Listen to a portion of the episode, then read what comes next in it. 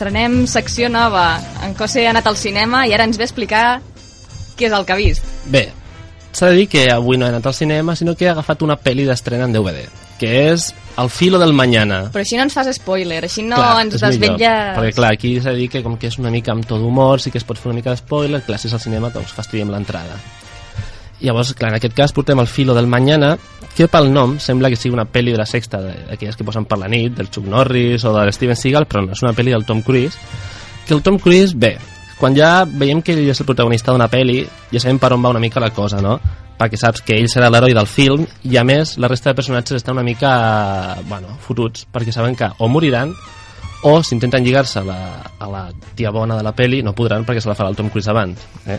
Llavors clar, aquí ja una mica penses no? ser actor secundari a una pel·li del Tom Cruise ha de ser molt frustrant perquè diu, o sigui, tires tota la pel·lícula tirant la canya a la noia fent tot el que puguis, però al final moriràs i el Tom Cruise eh, se l'emportarà abans que tu i a més ho farà amb ella davant la teva tomba perquè estaràs mort, perquè ets l'actor- secundari però bueno, bé És una mica també més el que li passa als actors secundaris que fan pel·lícules amb en Brad Pitt, clar, amb gent d'aquesta. Leonardo DiCaprio... no poden competir, aquests. no poden competir.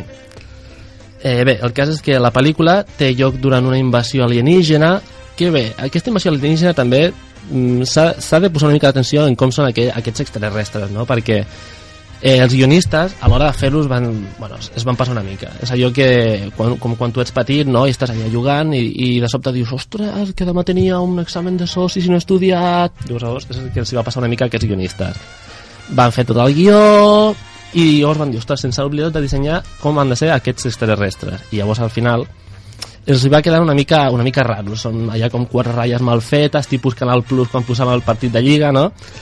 i clar, eh, així és com comencem la pel·lícula, amb aquest fet, no? una invasió alienígena. Llavors el Tom Cruise se suposa que és un, un sergent de l'exèrcit que va parlar amb el seu cap, un general, així amb molt mala llet, i li diu, mira Tom, que és que t'envio al front que tenim a França perquè mori, bàsicament perquè mira, està morint molta gent i necessitem algú que sigui una mica cap de turc de tot això.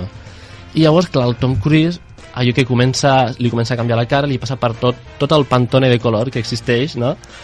i comença a fer una mica com de pudor l'ambient, no? allò que dius, i per què fa pudor? Doncs perquè el Tom Cruise s'ha cagat a sobre el pobre, no? No, no pot aguantar de dir, ostres, que me'n vaig a la guerra.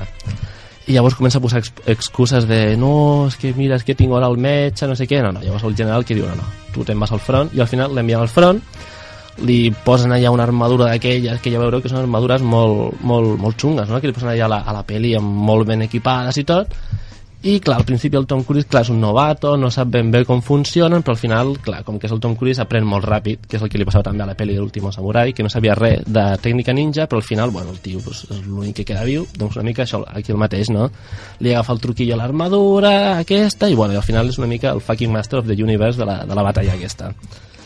I clar, així una mica va avançant la pel·lícula, va avançant la pel·lícula, quan li agafa el truquillo es confia i hi ha un alien que se l'intenta carregar, però clar, aquí passa una cosa, i és que aquí és on està el, el cuid de la qüestió d'aquesta pel·lícula. I és que, clar, eh, l'alien se'l se carrega, però quan se'l carrega es barreja la sang de l'alien amb la del Tom Cruise i llavors es fan immortal. Per què? Perquè havien de fer-ho d'alguna forma a la pel·lícula. És allò que passa molts cops, que és com ho fem? Doncs així mateix. I és així com funciona. Tom Cruise té molt bona sort a totes les pel·lícules que surt, eh? Sí, sí, sí, també té molt bona sort que dius... No li, no pot Missió Impossible també. Clar, sí, Són sí, un sí, sí. conjunt de casualitats que dius, mira, t'has salvat. Clar, que si potser si fos un altre no, però com que ets Tom Cruise, clar, ja és immortal, doncs passa això.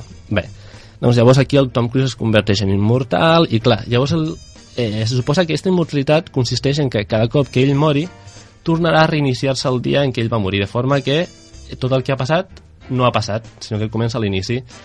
I llavors, clar, cada cop que li passa això, el tio es desperta ja amb un mal de cap, amb un cos molt malament, una mica com el Felipe Juan Froilán quan, quan ve de Rave, no? d'aquí del, del Joy Eslava de Madrid, doncs el mateix. Es lleva així com ressaca, i clar, i ho comença a explicar, però ningú la creu. Ningú el creu fins que troba que hi ha una noia dins d'aquest cos de l'exèrcit on està lluitant que també li va passar el mateix però ara ha perdut els poders. Per què? Pues mira, també Tampoc cosa, se sap, cosa també ho han posat així perquè Una sí. mica així perquè sí. I llavors, clar, aquí clar, ja ha entrat en joc la noia, que és la típica tia bona, en aquest cas és la Emily Blunt, que, que fa el paper d'antiga general també dins d'aquest eh, exèrcit i és l'única que, la, que la creu i aquí el Tom Cruise comença ja a tirar una mica la canya a la noia que ja és complicat tirar una canya quan tens aquest tipus de superpoder perquè tu dius, vale, ets immortal, però per altra banda, cada cop que moris l'hauràs de tornar, hauràs de tornar a lligar amb ella. I dius, si ja és complicat de per si lligar un cop, imagina't haver de fer-ho cada cop que mors. És impossible. Llavors, clar, què, què passa? Que acabes desistint i a més amb un calenten a sobre que no pots, el pobre Tom Cruise. Però bé, no vull desvetllar més coses de la pel·lícula, fins aquí, fins aquí puc explicar perquè no vull fer més spoiler, així que gaudiu-la perquè en el fons, tot i aquests, aquests petits errors, és molt entretinguda i està molt bé. De veritat està bé, perquè jo l'última pel·lícula que va treure en Tom Cruise, que també era d'alienígenes, que també se n'anava a l'espai, la vaig veure horripilant. No Bé, la- recordo com es deia, L'última però... no era la de Protocolo Fantasma, em sembla que era de Missió Impossible 4. Sí, doncs n'ha fet una altra que també se'n va a l'espai. No la vaig ni acabar de veure perquè no, no, no vaig poder. No Bueno. vaig tenir valor d'acabar de veure com acabava la pel·lícula d'en Tom Cruise. Però en general totes les de Tom Cruise una mica van més allà del límit de, del que pot tirar un guionista. I per això es diu El filo del mañana, o sigui, és un Sí, títol sí, molt sí, sí. pensat també, no? Sí, sí, i a més en aquest cas no, no és el que ha passat sempre, no? que al castellà tradueixen el, el títol diferent en aquest cas, si ho veus en, en anglès també és eh, eh, The Age of Tomorrow, eh, el filo, el mañana més o menys, o sigui que han estat bastant fidels. Però tampoc no hi podies posar res més, no? És a dir, encara que l'haguessin volgut canviar, què li poses en aquesta pel·lícula? Mm, Jo he, De vist, títol. jo he vist traduccions molt complicades, eh? Sí. Home, sí, hi ha traduccions que realment són per apretar a córrer, eh? Sí, sí, realment. Mhm. Jo a vegades llegeixo algun i dic, però aquesta pel·lícula, però, però això d'on no han tret? De fet, Que no Disney va traduir una pel·lícula que era de- d'una nena patinadora com Patinando, patinando, llegué a princesa i dius, no podies traduir d'una altra forma, tio?